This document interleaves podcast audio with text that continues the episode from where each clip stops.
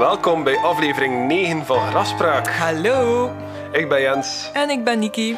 En we zijn hier terug voor onze wekelijkse spooky podcast aflevering. Yes.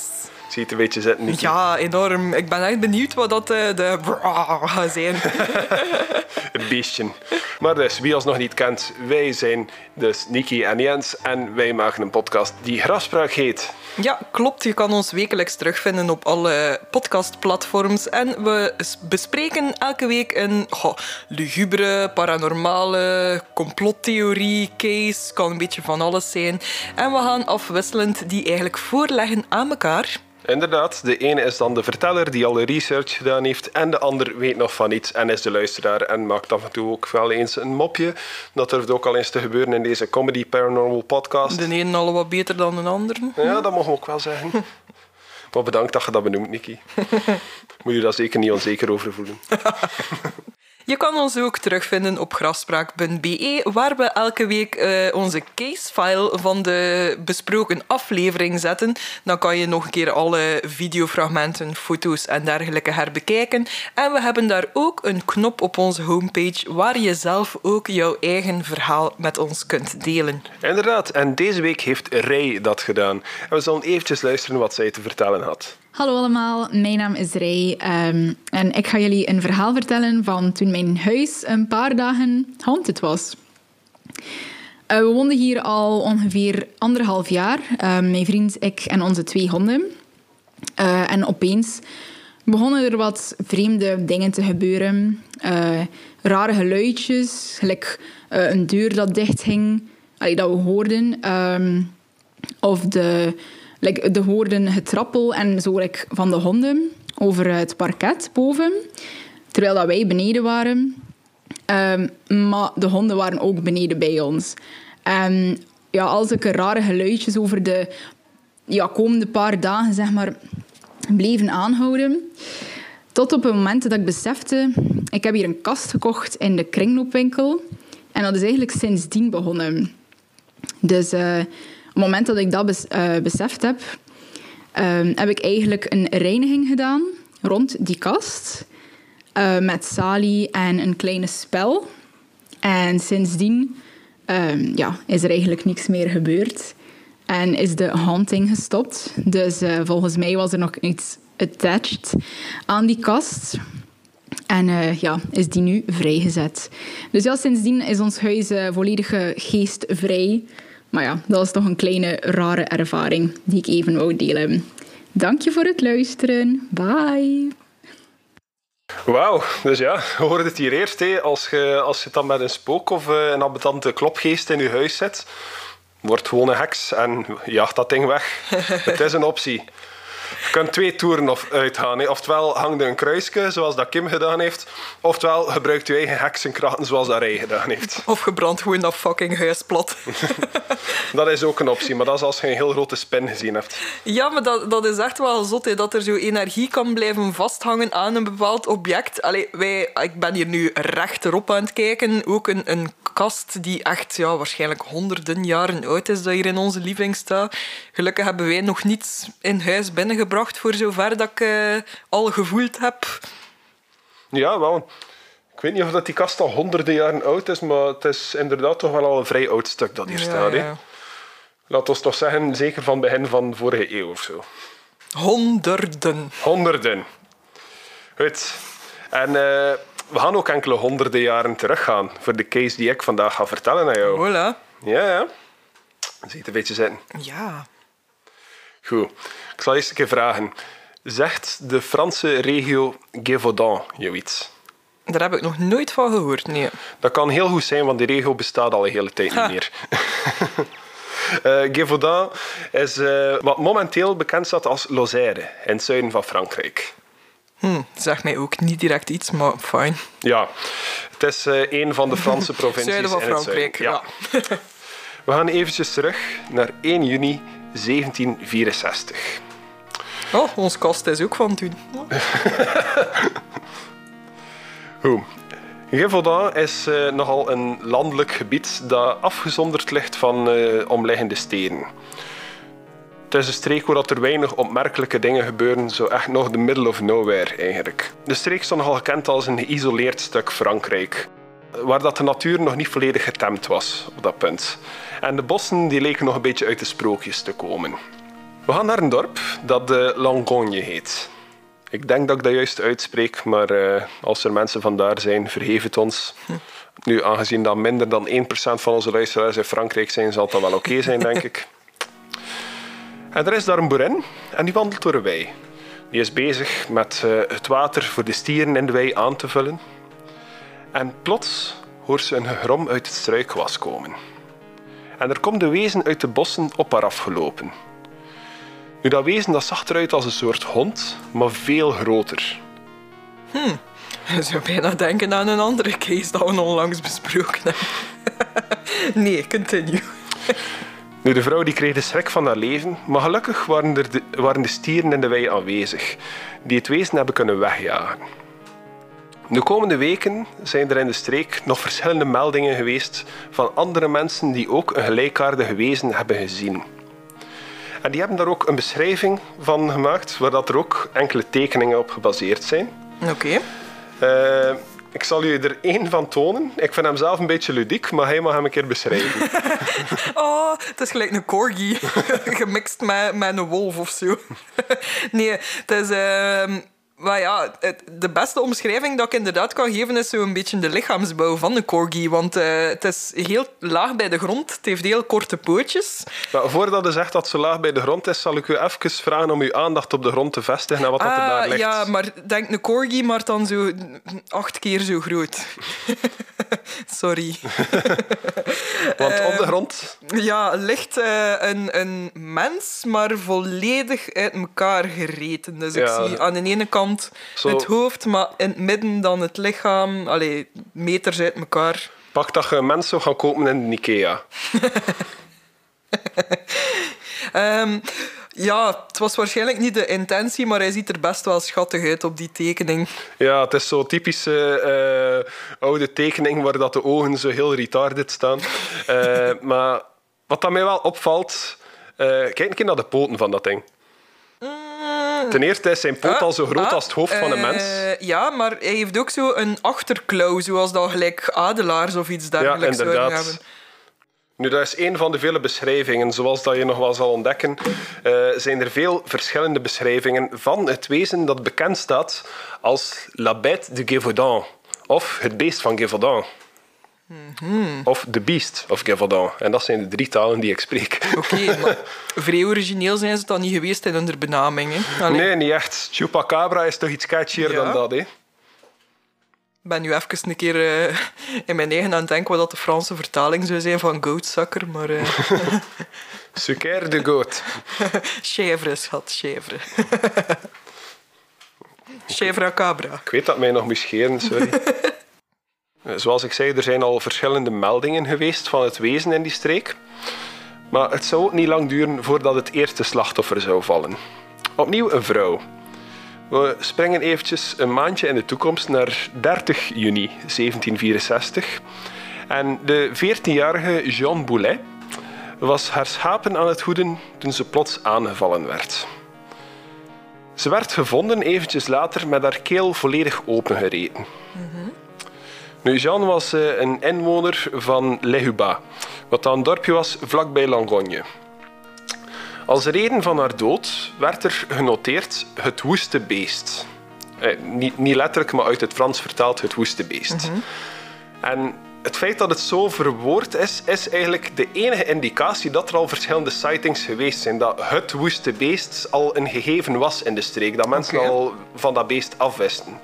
Want buiten die ene melding van die vrouw met haar stieren is het niet duidelijk op dit moment hoeveel, uh, hoeveel sightings dat er nog geweest waren in die maand tijd. Ja. Maar al genoeg dat het gekend was in de streek, toch? Ja, want het was de 18e eeuw. Ik weet niet in hoeverre dat die dingen al documented worden. Ja, nu, die aanval op zich was nog geen echte reden tot paniek. Het viel wel vaker voor in die tijd dat er, eh, dat er mensen door wolven of zo werden aangevallen. Zoals ik zei, de natuur was nog niet volledig getemd. Zeker in het zuiden van Frankrijk heb je wel wat wolven en beren en zo die in, eh, die in de bossen rondspoken. Dus uh, ja, het is niet abnormaal dat de mensen een keer worden aangevallen. Maar al gauw vielen er overal in de regio slachtoffers op gelijkaardige manier. En wat de lokale bevolking toch wel opviel, was dat eh, het aanvalspatroon van het beest anders was dan van andere roofdieren.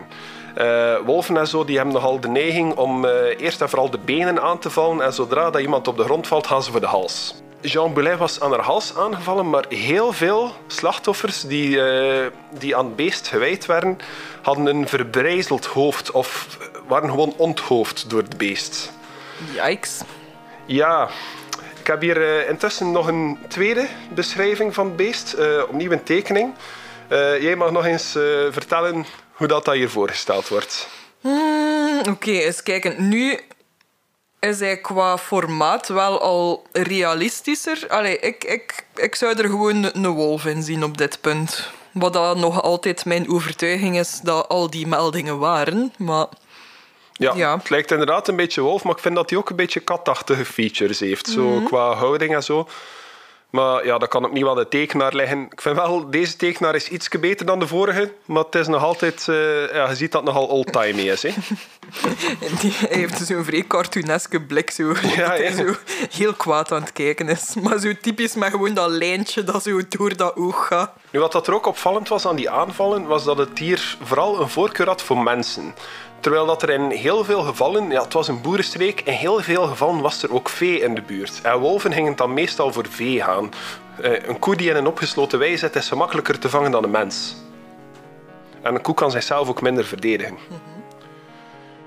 Er zijn ook sommigen die beweren dat er meerdere beesten waren. En anderen zeiden dan ook weer dat ze ook jongen van het beest gezien hadden.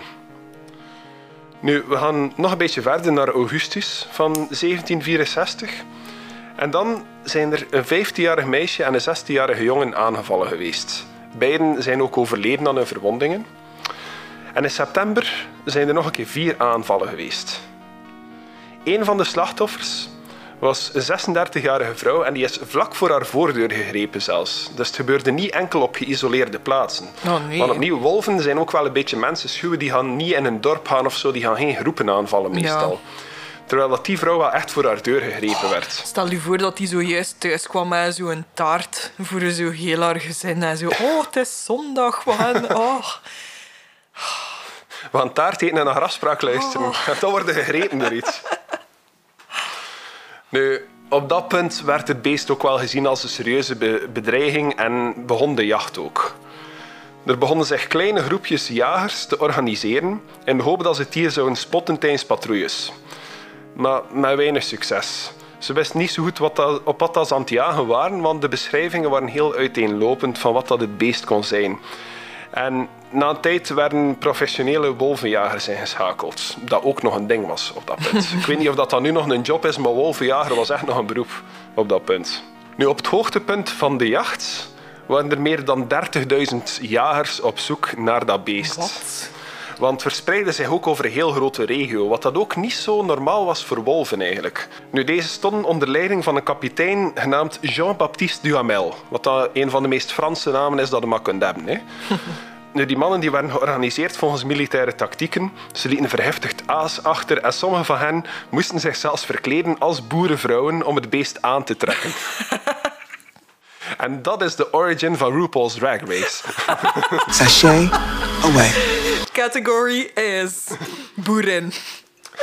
Ik heb hier zelfs een tekening van eh, Jean-Baptiste Duhamel en zijn jagers die op patrouille zijn. Niet veel bijzonders, eh, maar misschien kan ik een beschrijving geven van de man zelf. Wacht, hè, Duhamel zit ehm, op zijn paard, eh, heeft zijn sabel in de hand. Hij, ik, ik denk dat ze de, de sporen van het beest aan het volgen zijn, als ik het goed zie. Maar hij heeft zo, ja, de typische zo royal rode cape aan, met zo'n hoed met een pluim op. eh, zo wat van die, die witte pruikenkrullen, gelijk zo. Ja, wel. Er werd ook een beloning uitgeloofd voor wie dat beest kon doden. En die beloning die was ongeveer ter waarde van wat dat een jaarloon was voor de gewone mens. Nu, heb je een idee wat dat de munteenheid was in die tijd in Frankrijk? Eh, de frank? Nee, dat was nog voor de frank eigenlijk, want dit was voor de Franse, eh, voor de Franse revolutie. In die tijd werd, eh, was de Franse munteenheid nog de livre. Nooit van gehoord. Ik weet niet of dat ze dan echt met schriftjes betaalden of dat er echt muntstukken waren, maar het heette de livre. Nu, Het feit dat, eh, dat die beloning zo hoog lag, zorgde er ook voor dat er veel valse meldingen werden gemaakt door jagers. Zo eh, hebben er enkele geprobeerd om een wolf te vangen en met een stok stukken stof in hun maag te stoppen, zodat ze zouden kunnen zeggen van kijk, die wolven hebben, eh, hebben mensen aangevallen, dat is het beest van Gévaudan. Ehm, nu, ik zal ook zeggen, veel jagers en veel van de lokale mannen waren een beetje gekrenkt in hun mannelijkheid. Want eh, ik weet niet of je de, de geschiedenis van Frankrijk wat kent. Maar eh, 1764 was eigenlijk vlak na de Zevenjarige Oorlog. Waarbij dat Frankrijk dan ook onder andere Canada verloren is als, eh, als grondgebied. En Duhamel was een van de kapiteinen in die oorlog en eh, hij heeft eh, verschillende veldslagen verloren. Dus eh, hij wou zijn reputatie ook terug een beetje kunnen opkrikken. Het beest verslaan zou hem dus terug in een goed daglicht kunnen zetten. Nu, er zijn verschillende die beweerden dat ze het beest gezien hebben. Enkele hadden hem zelfs geraakt met kogels, maar blijkbaar heeft het beest elke aanval kunnen overleven. Het toonde ongelooflijke, bijna bovennatuurlijke krachten ook. Veel sterker dan wat je zou verwachten van een wolf. Het werd ook beschreven als veel groter dan een gemiddelde wolf. En het viel met zowel tanden als klauwen aan. Ook de reputatie groeide. Eh, de legende ging dat er dat niet zomaar een beest was, maar dat een monster was dat door de regio ging. Dat is waarschijnlijk gewoon Duhamel zelf dat die berichten allemaal de wereld in stuurde om het een beetje aan te dekken. Ik heb hier nog twee documenten uit die periode. Mag opnieuw een keer beschrijven wat je daarop ziet. Je De moet de tekst niet voorlezen of Nee. zo, maar... De bovenste prent ehm, lijkt mij een kruising tussen een leeuw met... Oh, ik weet niet met wat dat gekruist is. Het heeft zo gelijk ook spikes op zijn rug. Mm, Een leeuw en- en een chupacabra. Ja, ja. En, en die is een vrouw aan het aanvallen, is ook eh, naar de nek aan het gaan. Ehm, en daaronder, Ja, die is iets minder duidelijk. en ja, daaronder, dat, ja, is ook, dat lijkt echt zo'n demon dog. Hij heeft zo'n pijlstaart. Eh, zijn oren zijn gelijk twee duivelsoortjes, maar ja. Ja, wel, inderdaad. Nu, je brengt wel al een heel interessant punt aan met wat dat is echt van die leeuw. Want je moet rekenen, Frankrijk in 1764, 1765, de meeste mensen hadden van hun leven nog nooit een leeuw gezien. Hè. Je kon niet zomaar naar een dierentuin gaan. Boeken waren eigenlijk ook al een vorm van rijkdom in die periode. De meesten konden zelfs niet lezen, vermoed ik. Nee, waarschijnlijk. Eh, ze zullen wel al gehoord hebben van leeuwen, maar de meesten hebben dat nog nooit in het echt gezien en op zijn meest een vage beschrijving daarvan gezien. We zullen daar straks nog op terugkomen, maar sommige rijke mensen, eh, het was dan een beetje zo de mode, hadden menageries, waar dat ze exotische dieren zouden importeren en in hun eigen eh rijke luizentuin ergens in een kooi bewaren. Een van de theorieën over het beest van Gévaudan is dat er een leeuw ontsnapt is uit de menagerie en mensen is beginnen aanvallen. Ik ben mij nu echt even zo Joe Exotic aan het voorstellen, maar in zo, in zo 18e eeuwse Franse kledij. Le Roi de Tigre, of eh, whatever. Le roi de tigre. That bitch Carol Baskins. Basquin. Basquin. L'implaiter. Die laatste prent die ik u getoond heb, komt uit een, eh, een Franse krant genaamd Courrier d'Avignon. En dat is eigenlijk de eerste gazet die echt gaan lopen is met het verhaal. Ehm, die wisten zo meteen een beetje hoe dat ze daar groot nieuws van konden maken. En eh, elke anekdote die over het beest verteld werd, verscheen onmiddellijk in die krant. Het was zeker komkommertijd. Ook met veel succes, want ehm, die krant eh, kreeg daardoor ook internationale aandacht. En dat is opnieuw een heel goed punt dat hij aanhaalt van komkommertijd. Want, heb je een idee wie dat er toen aan de macht was als koning? Daar durf ik echt niet op antwoorden. Mijn, mijn kennis van de geschiedenis is echt niet goed genoeg. De koning in die tijd was Louis XV. Of Lodewijk XV, zoals die hier zou gekend staan. En die was nogal pro-censuur. Elk politiek nieuwsbericht werd gecensureerd. Dus kranten moesten zich een beetje richten op, eh, op sensationeel nieuws om te verkopen.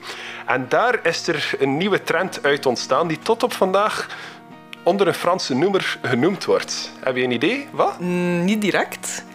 Wel, dat is een naam die je tot op vandaag zal horen als fait divers. Oh, Dat is daar eigenlijk ontstaan in die periode. En het beest van Gévaudan was een van de eerste faits divers. wauw, oké. Of zoals dat eh, ja, hier een beetje ja, true crime verhalen zouden zijn. Hè. eigenlijk zo de mix tussen roddels en true crime eigenlijk. Het echte sensatienieuws. Uh, dat is in die periode vooral ontstaan, net omdat ze vanwege die censuur weinig andere opties hadden om kranten te blijven verkopen. De Courrier d'Avignon is dat beginnen publiceren en al gauw was heel Frankrijk op de hoogte van het beest van Gévaudan. Maar nog altijd slaagde niemand erin om het te vangen. En het beest bleef intussen slachtoffers maken. Het exacte aantal slachtoffers is onduidelijk. Er zijn heel veel verschillende verhalen rond. Sommigen spreken over een honderdtal doden. Uh, anderen spreken over meer dan 300 slachtoffers, waarvan meer dan 100 doden. Wat dat er wel zeker is, is dat er veel mensen gestorven zijn aan het beest in die periode. Als je nu de streek gaat bezoeken, zijn er nog altijd heel veel musea van en zo. Het feit dat er heel veel mensen op mysterieuze wijze gestorven zijn door aanval door een, door een mysterieus beest, dat is, dat is echt wel een feit. Dat is uh, niet zomaar een legende. Het beest leek een voorkeur te hebben voor vrouwen en kinderen die ook vaker alleen waren dan mannen. En ook al werd er veel gejaagd, niemand wist al exact wat voor wezen dat ze aan het zoeken waren. Net door de heel veel verschillende beschrijvingen. Ook nu heb ik weer een, uh, een nieuwe tekening van het beest voor jou. Deze is iets mooier getekend. Hoe zou je deze omschrijven?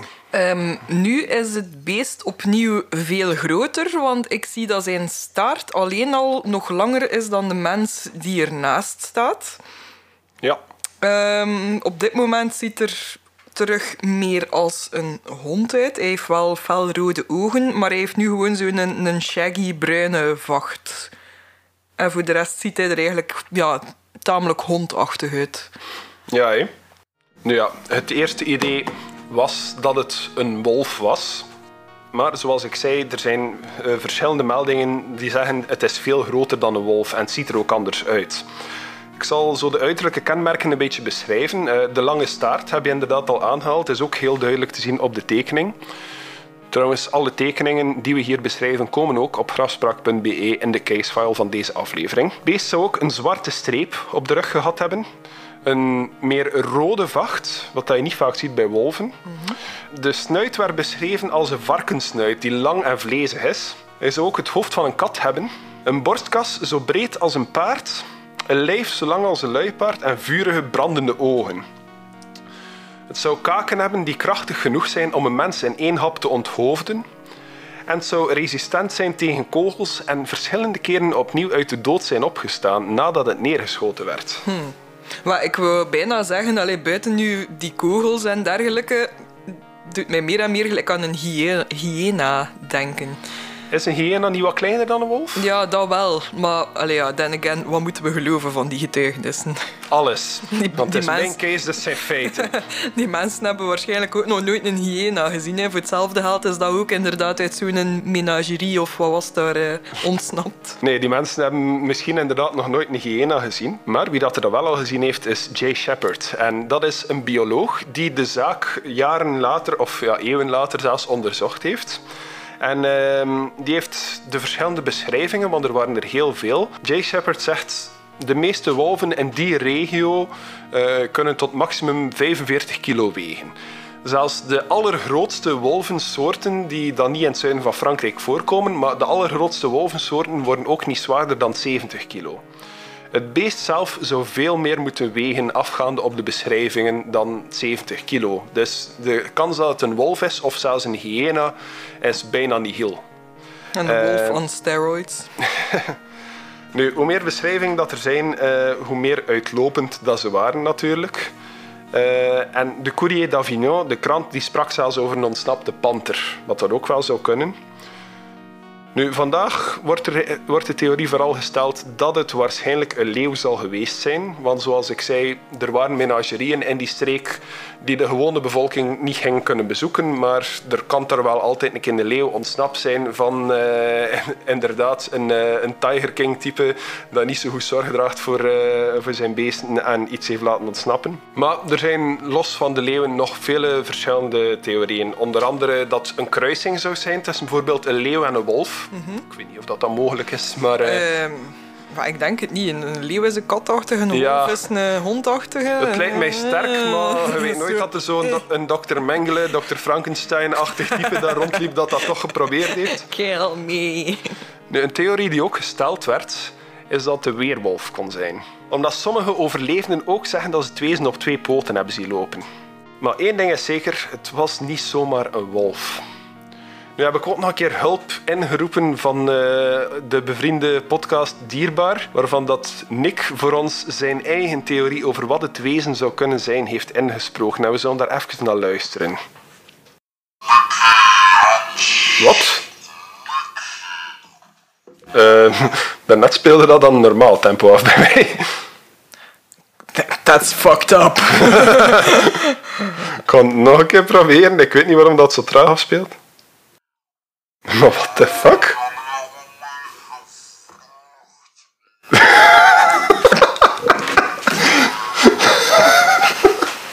Oké, okay, ik had het met mijn Dude!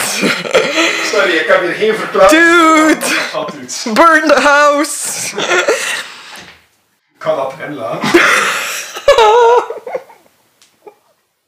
Fucking hell! Oké, okay, sorry, huisspook. Als dat nu ook zo afspeelt, ben ik hier echt buiten. Nee, ik. Hey, Nicky Jens. Nick hier. Uh, jullie hebben mij gevraagd om eventjes mijn mening te geven over het beest van Gévaudan. Nu, ik heb wat research gedaan, mijn hoofd ook wat gebroken erover. En als ik de beschrijvingen zo lees, dan zal ik mij moeten aansluiten bij de mening van Gérard Menatori. Die heeft een uh, wolvendomein in Lozère en die weet dus perfect ook hoe wolven zich zouden gaan gedragen. Ik geef een aantal argumenten waar ik me eigenlijk volledig bij kan aansluiten waarom het geen wolf zou zijn. Het eerste is de, de, aanvalsmethodiek.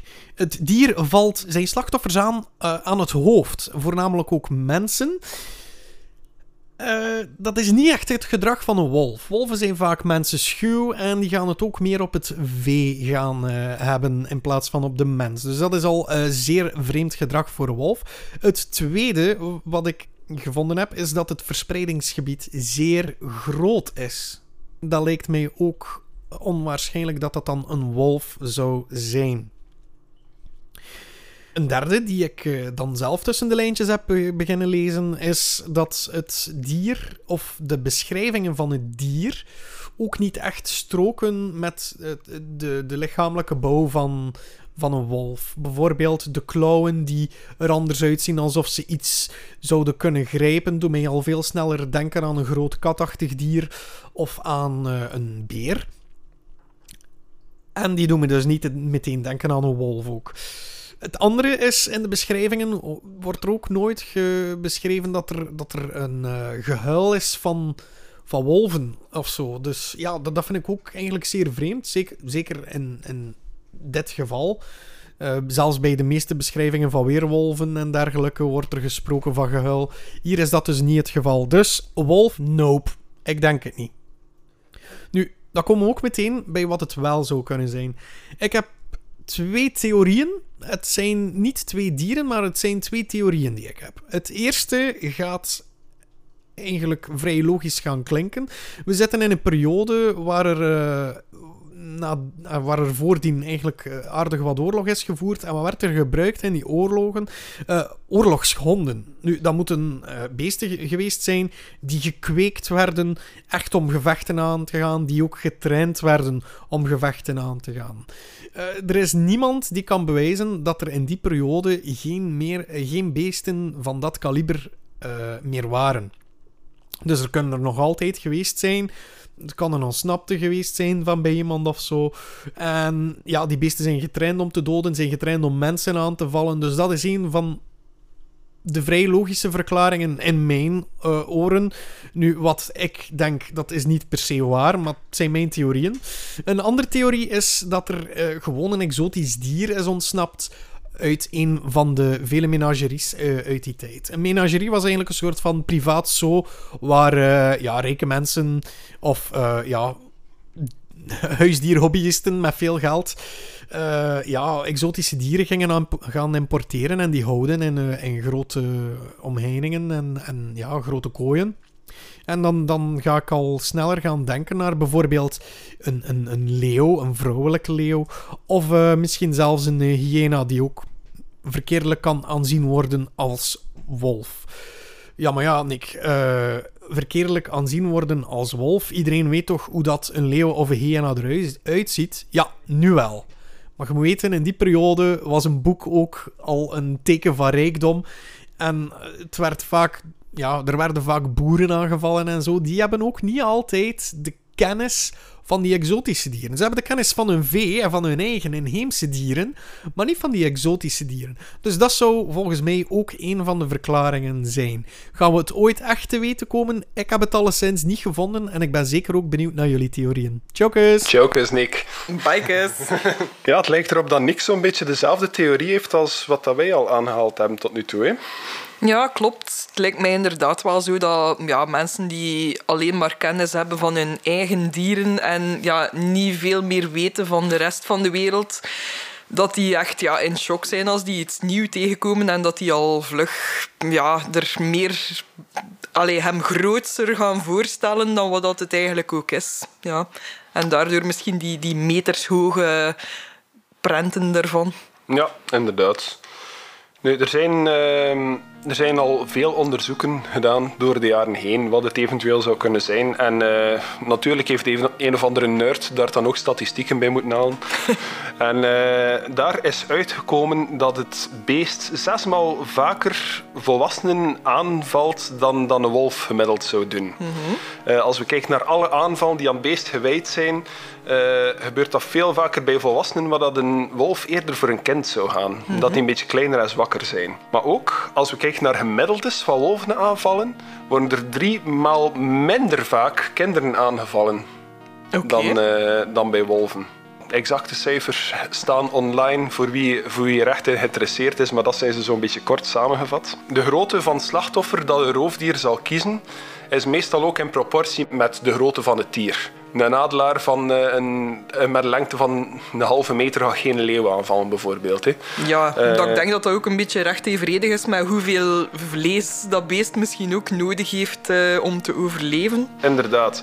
Dus dat dat beest dan ook grote volwassen mannen gaat aanvallen, bijvoorbeeld, is heel atypisch voor een wolf, pakweg. Mm -hmm. Een pak wolven zou het nu nog kunnen, maar die gaan dan ook niet het hoofd verbrijzelen of ontgooien. Stel je voor dat het gewoon zo twee wolven zijn met, met zo'n een, een andere vacht aan. Zal nooit door hem dan wij dat zijn. Nu, er is ook uh, een onderzoek van Carl Hans Stuike, een onderzoeker voor National Geographic. En die stelt dat het wellicht geen wolf was, maar een mannelijke leeuw. Nick zei daarnet nog een vrouwelijke leeuw, wat ook zou kunnen natuurlijk. Carl Hans Stuike die zegt mannelijke leeuw. De beschrijving van de rode vacht, de zwarte streep en de lange staart steunen zijn conclusie, zegt hij. En ook de bewering dat het beest over immense kracht beschikt, klauwen gebruikt en schotwondes kan overleven, zou die conclusie moeten staven. Ik zal wel zeggen, het overleeft schotwondes, maar geweren in die tijd waren nog uit de hand gelopen BB-guns. Ja, en misschien waren ze ook gewoon heel slecht in correct schieten. Hè. dat kan ook wel zijn. Ook zijn er verschillende meldingen dat er schedels zijn gevonden van de slachtoffers en dat die schedels bijna gepolijst waren. Wat dat overeen zou kunnen komen met de ruwe tong die een leeuw heeft, waarmee dat hij alle laatste restjes vlees van een schedel zou kunnen aflikken. Wat het beest ook was, het viel nog niet te vangen. En niet enkel de reputatie van dat beest groeide, maar ook de lijst met slachtoffers. Dat gaan we over naar 12 januari 1765. En dat was een man genaamd Jacques Portefeuille, die aangevallen werd samen met zes van zijn vrienden. En die zijn erin geslaagd om het beest weg te jagen.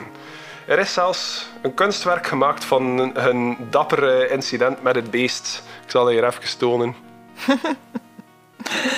Wauw, oké. Okay. Um, het eerste dat ik zag is dat er een met een knuppel gewoon uh, precies naar aan het slaan is. Uh, ja, ze staan er dus alle zes rond, inderdaad. Um, ja, het beest ziet er terug zo'n beetje een mix uit van, van een, ja, een hond, een wolf. Ook een uh, beetje hyeenachtig. Ja, ja.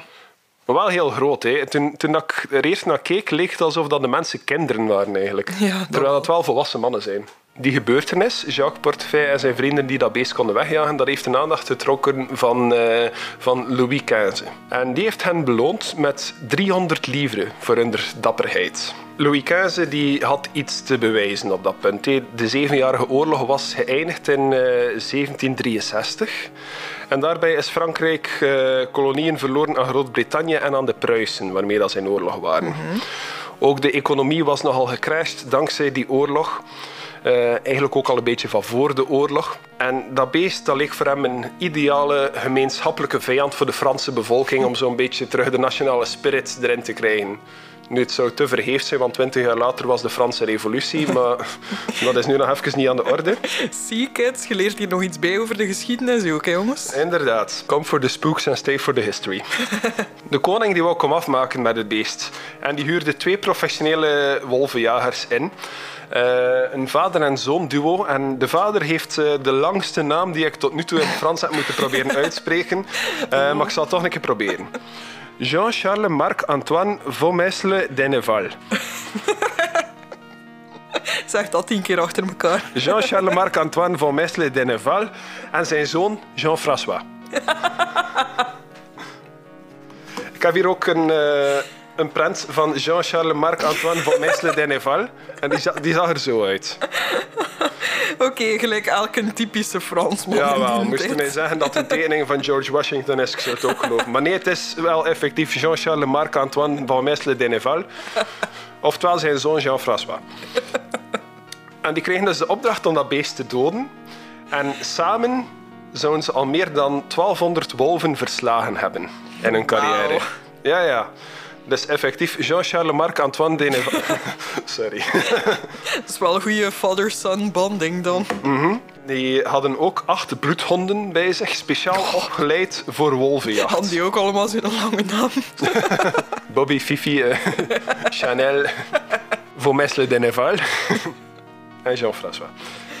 Op 17 februari kwamen ze aan in Clermont-Ferrand. Oh, dat ken ik wel. Ja? Ja. Weet je waar dat, dat ligt? Eh, ongeveer zo'n beetje in het midden bijna van Ja. Frankrijk. Nou, wat aan mij verbaasde, ik heb het ook allemaal gegoogled maps wanneer dat ik eh, mijn research aan het doen was. Eh, wat mij verbaasde is dat dat zo'n 180 kilometer is van waar dat de aanvallen gestart zijn. Misschien is dat de reden dat ze ook een beetje moeite hadden om dat beest te vangen. Ehm, nu, tijdens mijn research moet ik wel zeggen, heb ik niet alle locaties gevonden waar dat de aanvallen gebeurd zijn. Maar ik heb wel uit verschillende bronnen, waarvan ik niet weet qua betrouwbaarheid hoe, dat juist zit, eh, dat dat wel heel wijd verspreid raakte over de regio. Dat niet echt gecentraliseerd was eh, rond Gévaudan, maar dat gewoon de naam het beest van Gévaudan gekregen heeft omdat het net in die regio gestart is. Ja, voor hetzelfde geld waren er toevallig juist twee rijke stinkers dat in de leeuw eh, ontsnapt was. Hè. Ja. Dat kan ook. Ehm, nu, dus eh, Jean-Charles Marc-Antoine Vaumesle Denneval en Jean-François hebben verschillende wolven gedood. Maar eh, telkens bleven de aanvallen wel doorgaan. Nu, in juni 1765 was de koning eh, Louis XV dus een beetje zijn vertrouwen kwijt in eh, Jean-Charles Marc-Antoine Vaumesle Denneval en zijn zoon Jean-François. En heeft hij besloten om iemand met een kortere naam in te huren, namelijk François Antoine. Hoe typisch zijn die namen ook allemaal. En dat was de, de luitenant van de jacht in dienst van de koning. Oh, Jean-Louis Michel. Op, eh 22... oh, Marlijneke. Op 22 juni komt hij aan in eh Malzieu, wat dan nog zo'n 65 kilometer van, eh van Langogne is. Dus eh, ik kom al dichter in de buurt. Hè. Enkele maanden later, op 21 september, doodde Antoine een grote wolf. Een van 80 centimeter hoog en eh, 1,7 meter lang. En 60 kilo zwaar, wat dat al een beetje dichter bij de beschrijving van het beest van Gévaudan komt. Het dier werd Le Loup de Chazay genoemd, naar de plaatselijke abdij de Chazay, wat dan net in de buurt lag van waar dat hij dat beest gevangen heeft. En dat beest is opgezet geweest en naar Versailles gebracht. Oeh. En eh, er is een eh, tekening van de opgezette vorm. Al de mensen zijn vrij realistisch, zo'n beetje renaissance-achtig voorgesteld. En die wolf ziet er dan uit alsof dat door een Oh, achtjarige geteken is. Maar echt. Oh. Zie, ziet die een opgezette wolf er... Allee, eh, bestaat die nog? Is die er nog? En ziet die er zo uit? Ik heb, eh, ik heb geprobeerd om daar een foto van te vinden, maar helaas niet. Nee. Of eh, als die er echt zo uitzag toen, dan, dan was die een taxidermist echt verschrikkelijk. Nu, Antoine heeft eh, ook een brief geschreven naar de koning. Eh, en die brief bestaat nog altijd en die ging als volgt. Eh, hierbij verklaren wij dat wij nog nooit zo'n grote wolf gezien hebben. Daarom denken wij dat dit het dier is dat we zochten en dat zoveel onrust heeft veroorzaakt. Ook overlevenden van aanvallen van het beest van Gévaudan konden bevestigen dat dat het beest was dat hen had aangevallen. En er waren zelfs eh, op het beest nog enkele littekens te vinden eh, die zij beweerden aangebracht te hebben terwijl ze zich aan het afweren waren. Dus zoals ik zei, eh, de wolf werd opgezet en werd naar Versailles gebracht. Maar Antoine die bleef nog eventjes achter, omdat er ook werd gesproken van een vrouwtje en welpen van de wolf. En hij wou die nog opsporen, dat er geen nageslacht zou zijn om de bevolking te terroriseren. Hij is erin geslaagd om een wolvin en één welp te doden. En de andere werd verwond, maar ontsnapte. Zijn dat welpen als het wolven zijn of zijn dat pups als het wolven zijn? Ik dacht welpen, maar Maar omdat het geen katachtige zijn, maar... Ja, ik ben nu ook niet zeker, maar er werd gesproken van welpen. Vervolgens ging Antoine terug naar Parijs, waar hij een beloning van 9000 livres en tal van titels kreeg. Maar helaas eindigde het verhaal niet. Op 11 augustus van datzelfde jaar, 1765, zou Marie-Jean Vallet samen met haar zus aangevallen geweest zijn door het wezen. Ze heeft zichzelf en haar zus verdedigd met een bajonet en het beest verjaagd. En zichzelf daarmee de titel La Pucelle de Gévaudan bezorgd, of de maagd van Gévaudan.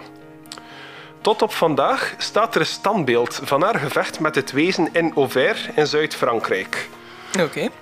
Dat standbeeld kun je hier zien. Het is best nog een cool standbeeld eigenlijk. awesome. Ja, het is echt zij die met dat wezen aan het vechten is. En haar naam werd zelfs recentelijk nog gebruikt in de reeks Teen Wolf, waar er een personage ehm, gebaseerd is op haar die een wolvenjager is, die al honderden jaren zou overleven ook.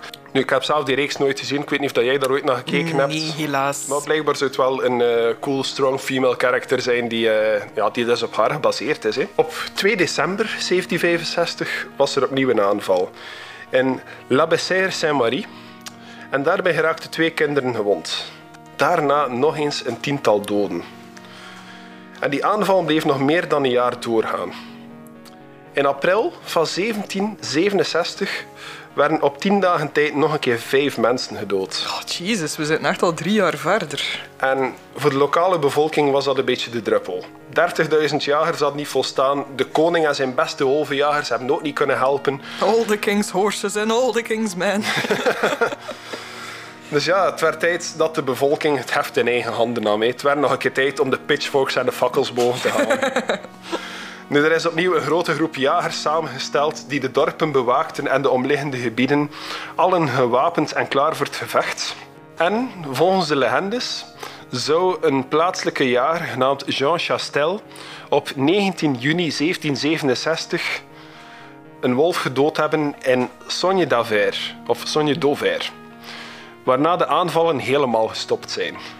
Er is nog altijd een standbeeld of een plak toch gewijd aan Jean Chastel. Het ziet er geen aangename mens uit, moet ik zeggen. Hij kijkt nogal een beetje nors. Het ziet er een uit waar dat echt niet op zijn domein moet komen. Nee, nee, nee, nee. Those damn kids gotta stay off my lawn. Chastel die had ook al geschiedenis met de jacht op het wezen. Want eh, enkele jaren daarvoor had hij ook een groep jagers geleid op zoektocht. Maar heeft hij hen in een moeras geleid. Waardoor dat hij enkele mannen verloren is en hij heeft daar een tijdje voor in de gevangenis gezeten. Na zijn vrijlating heeft hij dan wel zijn reputatie kunnen terugwinnen door het beest te doden. Maar wat het beest dan exact was, lijkt niemand zeker te weten. Historici zijn nog altijd tot op vandaag hun hoofd aan het breken over wat voor soort wezen dat, dat kan geweest zijn. Ook zijn er verschillende theorieën waar dat beest vandaan zou gekomen zijn. Een van die theorieën is dat Jean Chastel zelf verantwoordelijk was voor de aanvallen. De theorie gaat dat Chastel of een van zijn zoons een seriemoordenaar was. En dat die eigenlijk het wezen een beetje gebruikt hebben als dekmantel. Wauw. Een andere theorie is dat weer dat Chastel als enige het wezen heeft kunnen doden omdat het wezen niet bang was van hem. Omdat hij het wezen getraind had. Dat het uit zijn menagerie kwam. Of uit de menagerie van zijn zoon. Zijn zoon had daar blijkbaar. Ik weet niet of dat Chastel zelf ook ooit een had, maar zijn zoon had wel degelijk een. Eh, dus dat het wezen niet wegliep van hem omdat het Chastel kende en dat hij het zo heeft kunnen doden. Hoe dan ook, het beest blijft tot op vandaag opduiken in verschillende media. Zo eh, is een van mijn favoriete auteurs, heb die naam misschien ook al in onze boekenkast zien passeren, Marcus Heitz, een Duitse schrijver. Onder andere bekend van de reeks De Dwergen, heeft ook een boek geschreven dat Ritus heet. En Ritus is ook voor een deel gebaseerd op de legende van het beest van Gévaudan. Maar ook een boek dat ik weet dat je wel kent, is een Sherlock Holmes boek genaamd The Hound of Baskervilles. Ja, Of ehm, eh, The Hound of the Baskervilles, mijn excuses, geschreven door Arthur Conan Doyle. Is niet puur op het beest van Gévaudan geïnspireerd, maar wel het verhaal erachter dat het een wezen zou geweest zijn dat getraind was door, eh, door mensen om mensen te doden. Zou een inspiratie geweest zijn voor dat boek. Alright. Er waren ook zo verhalen in, eh, in de regio Wales, in Engeland en zo, eh, die ook gelijkaardig, eh, gelijkaardige kenmerken vertonen, waar dat Conan Doyle vooral zijn inspiratie zou gehaald hebben, maar het beest van Gévaudan zou er ook wel tussen gezien hebben. ik ben zo naar de boekenkast aan het kijken en vreemd genoeg valt mijn oog ook direct op dat boek. Eh, het boek zelf heb ik niet hoor, dacht ik. Maar ik wel. ik, had, ik had daar Ah, de ja, complete eh, stories eh, Ah ja, staan. ja. Sorry, ik dacht dat je een van mijn Marcus Heitz boeken zag. Ja, de Sorry, ik Sherlock Holmes Compendium en inderdaad wel. maar, maar was het beest? Een leeuw, een beer, een heel grote hond zoals een mastief zou eventueel ook nog kunnen. De uiteenlopende beschrijvingen kunnen er ook gekomen zijn omdat jachtmeesters een beetje hun eigen reputatie wouden redden. Want ze slagen er maar niet in om dat beest te vangen. Dus in hun brieven en zo willen ze het ook een beetje uitvergroten. Hoe lastig dat ze het hebben, hoe moeilijk dat is om dat beest te vangen. Ze willen zichzelf ook een beetje in een heldenpositie steken. Ze willen niet dat hun reputatie geschaad wordt. Dus dat is ook een theorie dat ehm, historici op dit moment aanhalen. Dat, dat ze eigenlijk het beest aan het uitvergroten waren. Ja. Puur, ja, puur om hun reputatie eh, niet te schaden. Ook de ongelooflijke fysieke eigenschappen waar dat ze over spreken, zouden ook wel een beetje overdreven kunnen zijn daardoor. Ook zijn er theorieën dat het wezen een overblijfsel is uit de prehistorie. Een beest dat bijna uitgestorven was, maar dat nog altijd eh, ergens diep in de bossen eh, aan het rondtolen was. Eh, en dat zo nog enkele generaties nageslacht heeft kunnen maken dat het tot in de jaren 1700 nog zou geleefd hebben. De laatste saber-tooth tiger. Jawel. Ja, maar hoe cool zou dat zijn? Allee, ja, ik, zou ze niet helemaal tegenkomen, maar het zou cool zijn. Nu, aanvallen door wilde wolven, dat was niets nieuws. Tussen 1600 en 1900 zouden er in de streek meer dan 9000 mensen zijn omgekomen door wolven. Maar wat dat de aanvallen van Gévaudan deed uitblinken, was de brutale wijze waarop dat mensen aan hun einde kwamen en het dodenaantal dat ver boven het gemiddelde lag. Vandaag, meer dan 250 jaar later, is de legende van het beest nog steeds enorm bekend in de streek. Er zijn standbeelden, schilderijen, tavernes en musea allemaal gewijd aan La Bête du Gévaudan. En tot op vandaag is er een jaarlijks feest in de streek ook, La Fête du Bête, dat nog altijd jaarlijks doorgaat. Awesome. Ik, ik veronderstel dit jaar iets minder, maar in een normaal jaar wel. En dat brengt ons ook tot het einde van deze case. Sorry voor het klappen. Maar we hebben een hele race aan foto's en artikels en bronnen die we allemaal zullen linken, ook op onze website grafspraak.be. Graag wil ik ook nog een keer eh, een dikke dank u wel zeggen aan mijn goede vriend Jasper, die deze case ook voorstelde voor Grafspraak, omdat hij zelf in de streek geweest is en zelf ook een beetje in de voetsporen van het beest getrokken is naar verschillende musea. En die heeft daar heel uitbundig over verteld. En dat is de reden dat ik eigenlijk besloten heb om die case een keer te onderzoeken, want het leek me wel heel interessant. En hoe meer dat ik erover las, hoe boeiender dat werd eigenlijk. En hij heeft het gelukkig kunnen navertellen. Inderdaad. Nu, wat denk jij van al hetgene dat ik jou nu net verteld heb? Want eh, ik zit hier al bijna een uur te vertellen tegen jou eigenlijk. Ehm, wat is jouw mening over La Bête du Gévaudan? Ehm, ja, ik denk dat het vrij obvious is. Hè. Ik ga ook uit van het eh, might possibly be a lion of zo. Eh, en dat de mensen dat inderdaad nog nooit gezien hadden en het waarschijnlijk ook dan een beetje uitvergroot hebben. Ik ben eventueel ook wel geneigd om mee te gaan in het verhaal dat het een getraind beest was. eh, om effectief misschien een beetje ehm, ja, de naam van de jagers een beetje meer ja, heroïs te maken terug. eh, dat dat beest dan misschien inderdaad een beetje misbruik wer- misbruikt werd daarvoor. Ja, daar kan ik je inderdaad wel in volgen. Ehm, Wat denk je van de weerwolftheorie? We zijn uiteindelijk grafspraak, dus we moeten toch een keer het paranormale bekijken ook. Hè? Oh ja, als ik al niet geloof in echte vampieren, ga ik ook niet in echte weerwolven geloven. nee. eh, Dus eh, ja. wij zijn nog team Edward, nog team Jacob. ja, ik heb het al zodanig veel gezegd. Ik zou er echt heel graag in willen geloven, maar totdat er effectief ene voor mijn neus gaat staan, eh, ja, Ja, ik dat zal ook maar heel kort geloven, vrees ik. Ja. Maar dat is het paranormale aspect achter eh, La, La Bête Gévaudan. Ik weet niet of dat ik het eigenlijk... eh, misschien ben ik het al heel tijd verkeerd aan het uitspreken als Gévaudan is Gévaudan, zoals dat Nick het daarnet zei. Maar het paranormale aspect ben je geen believer in. Nee, ik was het al niet bij de Chupacabra en allee, bij deze ook niet.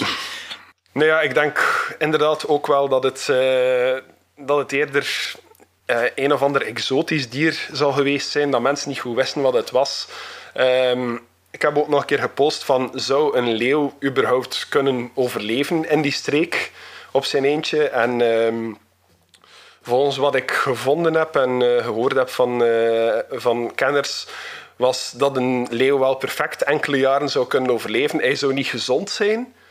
Hij zou er vrij, vrij uitgeput uitzien na enkele jaren. Zeker als, eh, als er daar een harde winter is of zo. Maar een leeuw zou wel kunnen overleven, surtout op mensenvlees.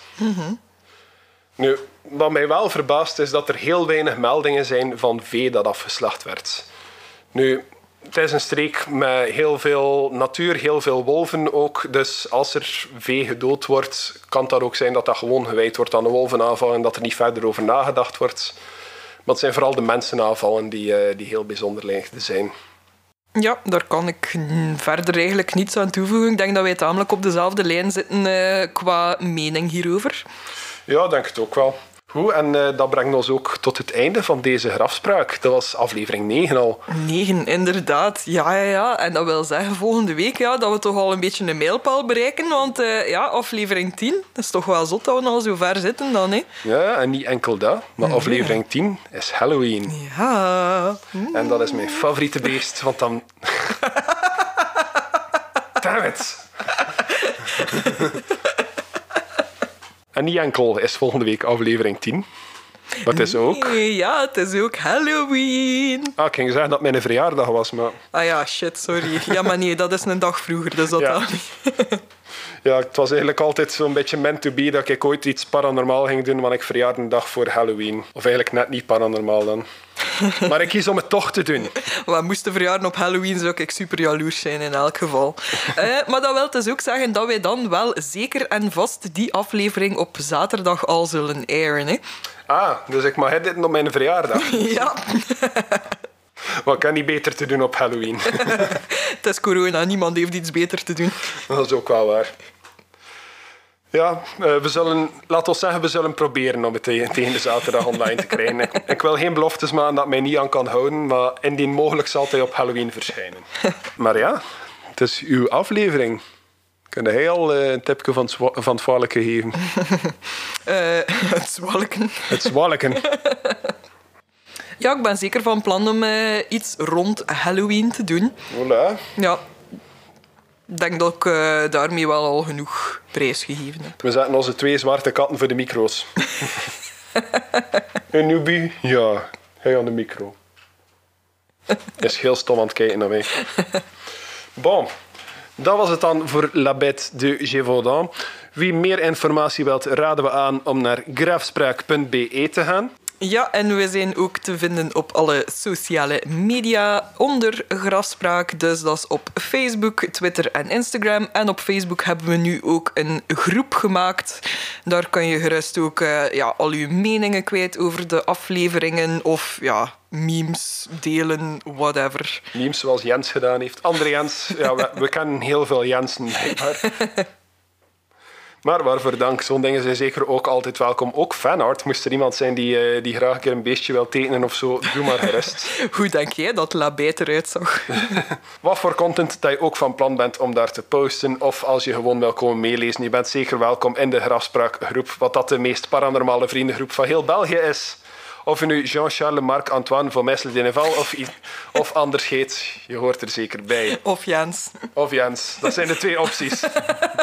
Wie onze website grafspraak.be bezoekt, kan er ook een voice message achterlaten voor ons waar je je eigen paranormale ervaring of je bevindingen over voorbije cases of suggesties voor toekomstige cases allemaal kan brengen en wij naar jou zullen luisteren. En wie zich heel vrijgevig voelt, kan ons ook op een koffietje trakteren via onze website waar er een Buy Me a Coffee link staat. Dat is zeker geen verplichting, we maken deze podcast gratis voor jullie, maar wie ons een wederdienst wil doen, kan dat op die manier doen. Je kan Graspraak ook vinden op alle mogelijke podcastplatforms. We releasen via Anchor, maar we staan ook op Spotify, we staan op Apple Podcasts, we staan op Stitcher, op alles eigenlijk.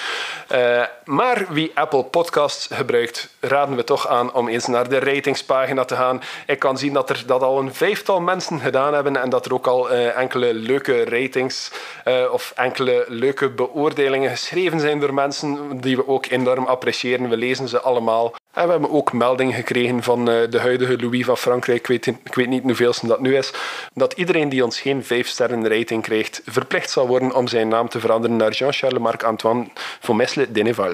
Dat is eigenlijk geen president in uh, Frankrijk. Die had ook geen koning meer. Ik weet niet waar dat Frankrijk werkt. Ik weet dat ze vals spelen in voetbal, oké? Okay? Dat is ook het enige dat je weet van voetbal. dat ook wel, ja. Uh, Frankie van der Elst, die naam kan Oh, wauw. Old school. Uh, Romelu Lukaku. Oké, okay, we zijn geen voetbalpodcast. Niet met die attitude. Tenzij dat er ergens een keer iets paranormaals is gebeurd in het voetbal. Dit was het einde van deze grafspraak. Bedankt om te luisteren. Ik was Jens. En ik was Nikki. En dit was alles wat wij wisten over La Bête de Gévaudan. Tot ziens. Bye.